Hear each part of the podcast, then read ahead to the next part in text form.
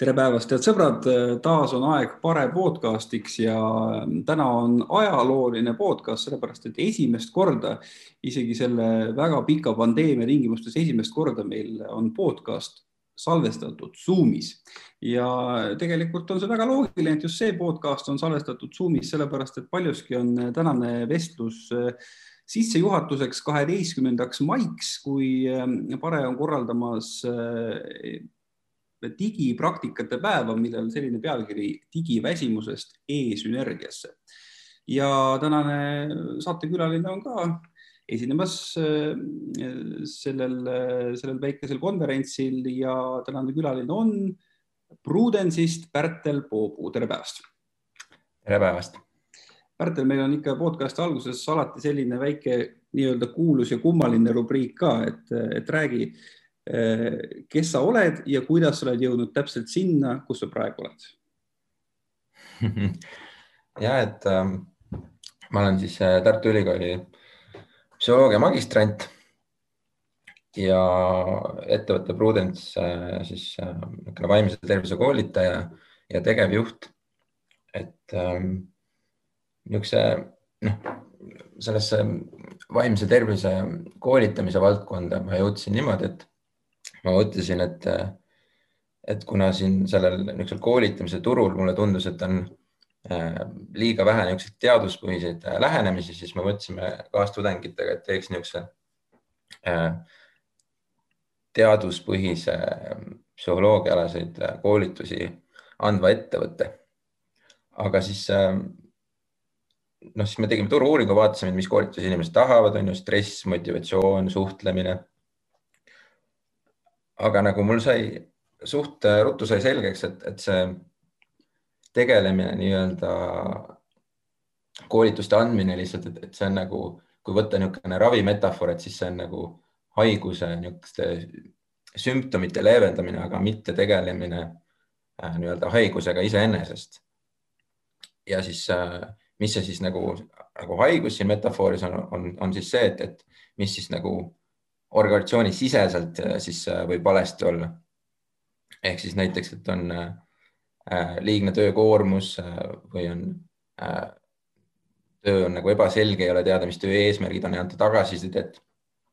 või ei ole kolleegid piisavalt toetavad, et niisugused faktorid on pigem rohkem niisugust stressi ja motivatsiooni mõjutavad, ehk siis et jah, et alguse sai see ettevõte siis tõepoolest sellest, et, et, et anda teaduspõhiseid psühholoogialaseid koolitusi. aga nagu see rõhk, mis, kuhu praegu on jõutud, on pigem see, et, et on oluline tegeleda nende äh, töökeskkonna faktoritega rohkem ma natukene noriks veel selle teaduspõhisuse termini kallal. mulle iseenesest see väga meeldib, ma käisin teie kodulehe peal ka ja, ja hästi vahva on see kõik. aga eh, ma pean tunnistama, et ma olen üldiselt eh, väga paljude selliste koolitusettevõtete suhtes skeptiline eh, aga üks asi, mis mulle alati nagu, nagu silma jääb, on, et nad kõik ikkagi kuidagi mingisugustele teadusuuringutele vähemalt enda, enda meelest nagu põhinevad mida teie puhul see teaduspõhisus tähendab ja, ja mis, mis nagu erineb, äh, mille poolest te erinete just nende, nende teiste koolitusfirmade poolest? et äh, noh, ma natuke nagu ütlesin, et, et, et selles suhtes, et enam võib-olla ei saagi nimetada seda Prudence'it koolitusfirmaks ainult, vaid ka nagu lihtsalt töökeskkonna heaolu ja tööst haaratuse edendajaks. et, et ähm, mis, mis selle teaduspõhiseks teeb, et ongi, et see põhineb niisugusel organisatsiooni psühholoogia mudelil, kus ongi võimalik siis ähm, äh, töö, töökeskkonna heaolu leevendamiseks äh, tegeleda siis äh, niisuguste primaarsete sekkumistega, mis ongi nagu siis töökeskkonna muutmine, sekundaarsed, mis on siis töökeskkonna mõjudega tegelemine. ja noh, kolmanda selle sekkumisega eh, noh, me otseselt ei tegele, aga see eksisteerib ka, mis on siis Mm, rehabilitatsioon ehk siis need, kes on läbi põlenud ja keda nagu tööle tagasi aidata, et, et selle nagu noh, mudeli nimi on siis, äh, millest Prudence lähtub, on inglise keeles job demands resources mudel. aga noh, see on niisugune üldine raamistik, aga, aga kui võtta koolitusi, et, et siis me alati vaatame, et, et mis äh, antud valdkonnas äh, stressi tekitab ja mida, mida uuringud on näidanud, et, et selle valdkonnaga kõige parem selles valdkonnas kõige parem oleks näiteks stressi leevendada või siis sisemist motivatsiooni näiteks tekitada, et, et noh, näiteks arstidel nagu selles suhtes, kellel on hästi palju stressi, et, et siis uurida, et, et mis nendel toiminud on, mis, mis lähenemised neil toiminud on, et, et, et noh, näiteks kuidas töö eraelu tasakaalu hoida noh, peale mingit kellaaega näiteks tööasjade peale mitte mõeldes. no läheme ikkagi selle, selle juurde, miks võib-olla praegusel hetkel ka need digipraktikad nii olulised on ja miks on ka tulemas pare digipraktikate päev, jäi kuskil mujal kui Zoom keskkonnas, see on koroonapandeemia. nüüd on see kestnud natukene rohkem kui aasta Äh, ja noh, ega selles mõttes äh, tuleviku osas ka head selgust ei ole, ilmselt suveks äh, olukord pisut leene, leeveneb, siis on nagu puhkuste periood, aga, aga juba ähvardatakse ka kolmanda lainega. nii et noh, kes teab, äkki, äkki hakkavadki meie tööaastad lähiajal välja nägema niimoodi, et üheksast töökuust suurema osa me peame veetma Zoomis, väga paljud inimesed. kuidas tegelikult koroonapandeemia inimeste vaimsele tervisele sinu hinnangul mõjunud on? Et äh, noh, selles suhtes, natukene räägiks sellest, et, et, et äh, mis, mis need faktorid on, mis mõjutavad siis äh, praegusel pandeemial seda vaimset tervist, et kindlasti ta on negatiivselt mõjunud inimestele. aga, ja noh, tekitanud stressi ja ärevust, on ju. ja ka hirmu võib-olla, mis on niisugune vahetu reaktsioon. aga jah, et noh, niisugusest psühholoogilisest aspektist rääkides, et mis tekitavad siis niisugust äh, ärevust, hirmu ja stressi, on olukorrad, mis on niisugused uudsed ja tundmatud äh, ja ettearvamatud. ehk siis me ei, me ei tea, kuhu see olukord äh, nii-öelda viib ja, ja millele on võimalik nagu mitme tähendusi, mitmeid tähendusi anda. noh, kasvõi sellega, et, et noh, mis täpselt nagu edasi hakkab saama, on ju, et ja, ja ka nagu kontrollimatud selles suhtes, et et äh, me saame mm, ainult teatud hulgal kontrolli rakendada äh, sellise koroonapandeemia olukorras on ju, et hoida distantsi on ju, noh, desinfitseerida käsi on ju ja suhelda pigem virtuaalselt näiteks, et, et aga, aga nagu on ka ühine vastutus, mille, mille eest nagu mis on nagu üksikindiviidi vaatest natuke piiratud. Ja, ja lisaks stressile ja ärevusele on suurenenud inimeste hulgas ka nagu depressiooni sümptomite hulk, äh, vähenenud füüsiline aktiivsus ja üldine heaolu ning äh, suurenenud ka äh, söömishäirete esinemine, ehk siis noh, need on niisugused ülemaailmsed andmed, aga noh, Eestis on pigem niisuguse ärevuse ja depressiooni sümptomaatika kohta uuritud ja leidnud, et see on suurenenud. ja ma saan aru, et tegelikult äh, kodukontoris viibimine, see läheb ka sinna alla või, või kodukontor kui selline, tood sa selle kohta veel eraldi midagi välja? kodukontori kohta on äh, niisugune väga huvitav, et, et, et see on, see väga oleneb indiviidist, tuleb välja erinevate uuringute põhjal, et kuidas ta inimest mõjub, et äh, noh, kasvõi lihtsalt produktiivsusest rääkides, et, et noh, Kristjan Kase eest äh, veetud Tallinna Ülikooli vaimse tervise ja heaolu longituuduuring näiteks leidis, et, et äh, töökohal äh, eelistasid töötada, no see oli siis eelmise kahe tuhande kahekümne aasta detsembris nelikümmend kolm protsenti inimestest ja kodus kolmkümmend üks protsenti inimestest ja siis nelikümmend protsenti nendest tundis, et nad on produktiivsemad töökohal ja kodus tundsid, et on produktiivsemad näiteks kakskümmend üheksa protsenti. ja no teised uuringud on leidnud niimoodi, et need, kellel kellele meeldib rohkem äh, kodus töötada, on ju, et siis nad on kodus produktiivsemad ja kellele meeldib tööl äh, töötada nagu noh, tööl kontoris töötada, et nendele, nad on seal produktiivsemad. no see on produktiivsuse kohta. aga noh, selles suhtes, et siis on erinevad uuringud, mis näitavad, et, et mõnele äh, isegi suureneb töö ja eraelu tasakaal, aga üldiselt pigem niisugune töö eraelu tasakaalu hoidmine on kodukontoris keerulisem sellepärast et, et äh, seal võib ära unustada endani, ennast nii-öelda digimaailma. ja siis näiteks äh, noh, autonoomsus on äh, suurenenud töökeskkonnas. ehk siis inimesel on rohkem vabadust otsustada, mida ja kuidas ta täpselt oma tööülesandeid teeb, aga samas tänu sellele, et ei ole nagu kedagi vahetut töökeskkonnas, kes annaks tagasisidet, et, et siis niisugust sotsialiseerimise, sotsialiseerimist ja tagasiside andmist on näiteks vähem mis tegelikult äh, muudab inimese või mõned inimesed kodukontoris produktiivsemaks võrreldes sellega, et nad on töökeskkonnas, kas, kas see on siis puhtalt see, et, et nende jaoks on nii oluline see turvaline keskkond nende ümber või? no see on tegelikult ju noh, mingist mõttes vaadates ju täiesti loogikavastane, et inimene on kodus produktiivsem kui tööl. no võib-olla ta tõesti, ta saab ise kohandada enda nii-öelda ähm töökeskkonda kodus ka selliseks, et oleks mugav. Ja, ja noh, jällegi see on hästi individuaalne, et kellele meeldib töötada niisuguses noh, inimeste rohkes keskkonnas versus kellele meeldib nagu üksi töötada, et ma arvan, et see on ka üks äh, mõjutaja. Ja jällegi noh, et ei ole niisugust, et kuldreeglit, et, et kodus töötamine või, või tööl kontoris töötamine on, on parem.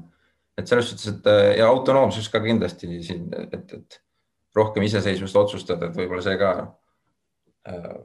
mõnel inimesel äh, suurendab seda mm, motivatsiooni, et noh, lähtudes motivatsiooniteooriast, et, et siis on niisugune äh, autonoomsus on seal seotud, noh, autonoomsus on oluline, siis on seotus ehk siis teiste inimestega nagu suhtlemine on oluline ja kompetentsus, et noh, selle teooria järgi justkui peaks olema niisugusel tööl kontoris töötamine motivatsiooni suurendamiseks äh, parem. et äh, mõneti ta selles suhtes üllatav tõepoolest on no sa tõid tegelikult ka selle teema alguses välja, et, et väga palju on ju kinni ka harjumises. ma saan aru, et, et ühel hetkel me siis seisame täpselt samasuguste probleemide ees, kui no tahaks, tahaks nagu loota, et pandeemia saab läbi ja inimesed peavad hakkama uuesti tööle minema et siis tuleb hakata nagu teistpidi harjuma, võib äh, tulla ette teistpidi äh, vaimseid probleeme. selle kohta oli ka huvitav, et, et need inimesed, kes äh, algselt jäid kodukontorisse, et nad isegi said äh, äh, alguses kodukontorisse jäädes paremini hakkama kui inimesed, noh, ühe Suurbritannia uuringu järgi, kui inimesed, kes pidevalt olid kodukontoris, aga see, need positiivsed mõjud äh, ka pika aja peale nii-öelda vähenesid, ehk siis tekkis mingisugune harjumus ja tekkis ikkagi mingisugune äh, kurnatus ka kodukontoris. aga jah, ma arvan, et niisugune tõenäoliselt niisugune hübriidkeskkond jääb, et kus, kus osad otsustavad töötada kodust, osad otsustavad töötada äh, tööl olevast kontorist ja, ja nii on nagu noh, kuidas kellelgi parem on selles suhtes. mulle tuleb meelde üks parem podcast, kus äh, kus külas käis äh, Circle K Eesti juht ja, ja tema rääkis, et kui see kodukontor paljude töötajate jaoks nende ettevõttes algas, siis äh, alguses ka kõik olid nagu rõõmsad ja, ja töö nagu läks nagu ludinal, aga paari kuu pärast äh, keegi ei saanud isegi aru, aga, aga hakkasid tekkima erinevad probleemid ja ka terviseprobleemid ja siis alles hakati ettevõttes mõtlema selle peale, et, et kõik see kõik see, kus me kodus tööd teeme, et kõik need diivanid ja, ja lauad ja toolid, et need ei ole ikkagi päris mõeldud selleks, et kaheksa tundi seal istuda. Kui palju selline, selline väsimine kodukontoris võib olla seotud sellega, et, et kodus meil ei ole meil ei ole lihtsalt töötamiseks mõeldud mööblit, see ergonoomika on nagu hoopis teistsugune, mis kokkuvõttes hakkab meie keha kurnama. jah, sellele on raske vastu vaielda, et, et tööergonoomika ei mõjutaks niisuguse inimese vaimset tervist ka. et ma arvan, et eh, kindlasti võib see üks põhjustest olla. sinu, eh, sinu ettekanne kaheteistkümnenda mai, eh, mai konverentsil on pealkirjaga Kodukontor, digiväsimus ja sellega toimetulek. mis asi on digiväsimus? digiväsimusest võib mõelda siis niisuguses kitsas perspektiivis ja laias perspektiivis et kitsamas perspektiivis võib tõenäoliselt mõelda niimoodi, et, et on nii-öelda niisugune videokonverentsi keskkonna väsimus, kus äh, me tunneme, et, et, et, et iga päev äh, nii palju Zoomi kõnesid tehes äh, väsime me lihtsalt ära ja oleme kurnatud ja me silmad on väsinud ja võib-olla sügelevad ja punased ja, ja vaimselt on niisugune hägus olla ei suuda keskenduda enam, tähelepanu läheb kiiremini teistele asjadele. Et see on niisugune kitsam äh, käsitlus sellest, äh, mida nimetatakse ka Zoomi väsimuseks, eks inglise keeles on ka Zoomi väsimus, selle nimi näiteks äh, no mida see põhi või kuskohast see tuleb, sest noh, et noh, teisest küljest jällegi siin tulevad kõik need mugavuse aspektid mängu, et ma ei pea kulutama, kulutame aega selleks, et kuhugi koosolekule sõita. see võiks nagu kõik olla positiivne, aga, aga, aga miks me ikkagi sellest väsime? jah, no siin uuringud Microsoftis tehti näiteks üks uuring kolmesaja viiekümne inimese peal, mis leidis, et, et, et kui algselt inimesed kodukontorisse läksid, et, et siis tegelikult ähm, esiteks nende töönädal suurenes ähm, nelja tunni võrra ja, ja see suurenes äh, suuresti tänu sellele, et, et äh, niisugune omavaheline suhtlus vähenes, on ju, et äh, koridori peal ei saanud ka nagu kiiresti asju võib-olla mõnikord edastada ja siis pidi rohkem tegema Zoomi koosolekuid või, või mõne teise videokonverentsi platvormi koosolekuid. jah, et üks on, üks on lihtsalt see, et me peame neid mm, koosolekuid liiga palju, aga siis on ka niisugused psühholoogilised põhjendused toodud, et noh, mille, millel ei ole nagu kindlat kinnitust veel leitud, aga nagu üks, mis tundub niisugune loogiline, on, on see, et, et me, me oleme niisuguses äh, ajalises nihkes selle teise os osapoolega, kellega me vestleme siis äh, läbi Zoomi. Ehk siis niisugused äh, noh, kui inimesele on väga olulised niisugused äh, mikro näoilmete lugemine näiteks ja hääletooni äh, muutused, et siis, kui need jõuavad meieni isegi niisuguste mm, millisekundiliste või sekundiliste mm, niisuguse ajalise nihkega, et siis meie aju peab äh, rohkem tööd tegema, et, et, äh, et nagu kokku viia seda informatsiooni. Ja siis on äh, leitud, et, et selle informatsiooni nii-öelda kokkuviimine noh, võtab vaimseid ressursse. Ja siis on üks huvitav teine teooria, mis on, mis väidab seda, et kui me vaatame nagu teist inimest läbi Zoomi et siis äh, tegelikult äh, noh, meie aju arvates me, me nagu automaatselt ei vaata teist inimest äh, tänu sellele, et see on nagu niisugune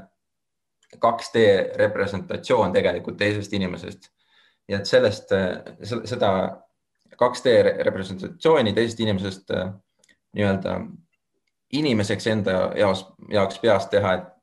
et see võtab samuti niisugust noh, kognitiivset ressurssi ja pluss siis see, et, et äh, me oleme üle stimuleeritud tihtipeale ka Zoomi keskkonnas näiteks, äh, kus meil on rohkem kui üks inimene koosolekul. Ja siis on noh, nende nägu on ju, aga siis seal tausta peal võib olla erinevaid asju, onju. et ja mõnel inimesel taustal on, on see, et, et, et lõikab tausta veel välja ja siis see perfektselt ei lõika näiteks tausta välja ja siis on näha niisugust, kuidas käsi näiteks kuskilt ilmub. Ja see, see võib ka niisugust äh, väsitada meie aju ma saan aru, et kui siit midagi kaasa võtta kohe väikse soovitusena, siis on see, et, et kui Zoomi koosolekul osaleda, siis pigem selline ühtlane taust jätta endale selja taha ja mitte hakata seal väga kunsti tegema. no see on üks võimalus, et, et teisi ka natuke säästa selles suhtes. digitaalne läbipõlemine on ka üks teema, mille, mille sa oled nagu välja toonud, millest me võiksime rääkida. mida see siis kokkuvõttes tähendab, kas see tähendabki see, et ma tahaks selle arvutikaane kinni panna ja mitte enam kunagi avada või mis, mis see on? jah, et noh, võib-olla mitte ainult lihtsalt äh, kaant kinni panna, vaid ka nagu noh, niisuguse frustratsiooni pärast midagi nagu ette võtta, et ähm, aga nagu noh, ta põhineb ikkagi niisugusel tavalisel läbipõlemisel, et kui, kui tavalist läbipõlemist mõista, lahti mõtestada, et siis äh, on põhiliseks niisuguseks äh, sümptomite klastriks on niisugune emotsionaalne kurnatus, mis ongi see, et, et äh, niisugune puhkamine ei taasta energiat, juba nagu hommikul tööle minnes äh, tunneb inimene ennast väsinuna ja niisugune äh, üldine langenud meeleolu, et, et see on ka niisuguse äh, digitaalse läbipõlemise juures oluline, aga seal on ka see, et sinna juurde lisandub siis näiteks ka sellised aspektid, et, et inimene on, on frustreeritud, kui ta näiteks ei saa kohe ühendust või on näiteks mingisugune internetiprobleem, kus ta ei saa kohe internetti minna. jah, et ja, ja nagu ka see, et, et lihtsalt inimene tunneb, et see, et ta iga päev äh, lihtsalt peab seda ekraani vaatama, et see tekitab temast frustratsiooni, et, et noh, kui mõelda, et siis inimene magab kaheksa tundi on ju ja siis, kui äh, nüüd terve tööpäev olla, siis äh, niisuguses digitaalses keskkonnas, et siis digitaalses keskkonnas viibitud aeg võib isegi olla rohkem kui ööpäevas magatud tundide aeg. pluss siis sinna juurde see veel see, et inimene loeb uudiseid näiteks ja vaatab mingeid naljakaid kassivideosid või vaatab Netflixist sarju. ehk siis digitaalses maailmas veedetud aeg on,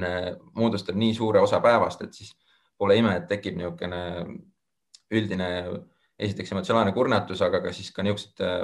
niisugune sõltuvuse sümptomid, kus, kus raske on tähelepanu mujale viia nendest stiimulitest, mida nagu ekraani pealt otseselt tulevad ja niisugust kohest tasu annavad ja kui nagu liiga palju arvutis oled, siis see võib põhjustada ka tegelikult ju suhteprobleeme teiste inimestega, kui noh, lähedaste mingisugustest kokkulepitud daatumitest kinni ei peata näiteks. no hästi palju on räägitud ka sellest, et, et enne magama jäämist ei maksa ekraani vaadata mingi perioodi vältel, on see siis telefoniekraan või arvutiekraan no kui, kui nüüd see kodukontor toob kaasa ka selle, et inimesed sõna otseses mõttes magama minekuni ongi tööl, nad jälgivad ekraani, kas, kas tegelikult siis ikkagi peaks mingi vahe jätma või, või kui palju see veel võib lisada sellist digiväsimust, et me sisuliselt nagu,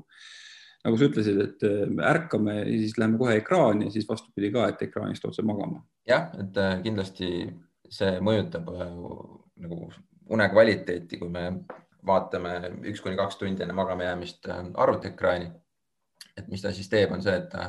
äh, blokeerib ära melatoniini mm, produktsiooni, mis on siis see unehormoon, mis meid tegelikult magama aitab jääda. ja sellepärast on seda äh, sinist valgust äh, mõttekas siis vältida, mis ekraanidest tuleb, aga noh, mitte ainult ka seda, et, et võimalik on ka tegelikult päeva jooksul teha niisuguseid pause planeerida, et kui me oleme siin tööl kontoris on ju, et siis siis need pausid võib-olla tulevad ka loomulikumalt, näiteks et kui kolleeg midagi küsib, on ju, või on kohvipaus, mis on planeeritud ajal, aga kui ise kodus olles, et siis neid äh, pause tuleb nagu ise rohkem päeva planeerida ja, ja neid võtta, et, et muidu, muidu võibki lihtsalt äh, töötuhines ära unustada, äh, silmi puhata või ka näiteks üldse midagi hamba alla võtta. Pärtel, kaheteistkümnendal mail sa räägid põhjalikumalt ka sellest, kuidas digiväsimusega toime tulla, aga meil on podcastis ka lõpus selline soovituste rubriik kas sa oskad anda kolm soovitust, kuidas siis digiväsimusega toime tulla, sa juba jõudsid selleni, et pauside tegemine, aga, aga veel? no oluline ka mõelda seda, et mis viisil teiste inimestega oleks mõistlik ühendust võtta, onju, et, et niisugune vahva skaala on tegelikult olemas, et, et niisugune kerge ühendust võtmine näiteks ongi dokumendi saatmine, onju, sellest järgneb emaili saatmine, siis on võimalik tegelikult ka teksti niisugune sõnum saata, helistada, videokonverentsi äh, nagu läbiviimine või siis ka näost näkku kokkusaamine, et mõelda, et mis see, mis see võiks olla see viis, mille, mida nagu teatud inimesega ühenduse võtmisel oleks vaja kasutada. noh, niisuguseid lõõgastustehnikat võiks ka kasutada päeva jooksul on ju, et näiteks äh, visualiseerimise harjutus, äh, niisugune turvakohta visualiseerimine või niisugune lihaslõdvestus, äh, kus pingutad lihasgruppi ja siis lõdvestad. samuti noh, niisugune kergete äh, venitusharjutuste tegemine on kindlasti hea tööpäeva vahele ja, ja planeerida näiteks ka tööpäeva lõppu koheselt ka mingeid tegevusi, millega siis äh, lõõgastuda nii-öelda. et noh, jalutuskäikude võtmine näiteks tööpäeva lõpus on kindlasti äh, väga head ja jah, et üks soovitus nagu niisugusest äh, virtuaalkeskkonnas on ju konverentside pidamine, et pidamise osas, et näiteks, ähm, et noh, vahepeal võibki teha niisuguseid konverentse, kus äh, lülitada kaamera välja ja leppida nagu teise osapoolega kokku, et, et teeme selle koosoleku niimoodi, et kaamera on välja lülitatud. Ja siis äh, see võib ka hoida niisugusest äh, ülestimuleerimisest. Pärtel Poopuu Prudence OÜ-st äh, suur aitäh sulle ja nagu me olen juba korduvalt öelnud, siis, äh, siis äh, sinu mõtteid ja sinu soovitusi saab kuulata ka kaheteistkümnendal mail, kui toimub paremate digipraktikate päev teemaga digiväsimusest e-sünergiasse ja head kuulajad, kui te lähete Pare kodulehele, siis ma usun, et üsna lihtsasti leiate ka üles selle koha, kus saate selleks eh, konverentsiks, suvikonverentsiks ennast eh, registreerida ja kindlasti kaheteistkümnendal mail tarkusi tuleb päris palju, sest lisaks Pärtelile on esinejaid veel. aga Pärtel, suur aitäh sulle! aitäh!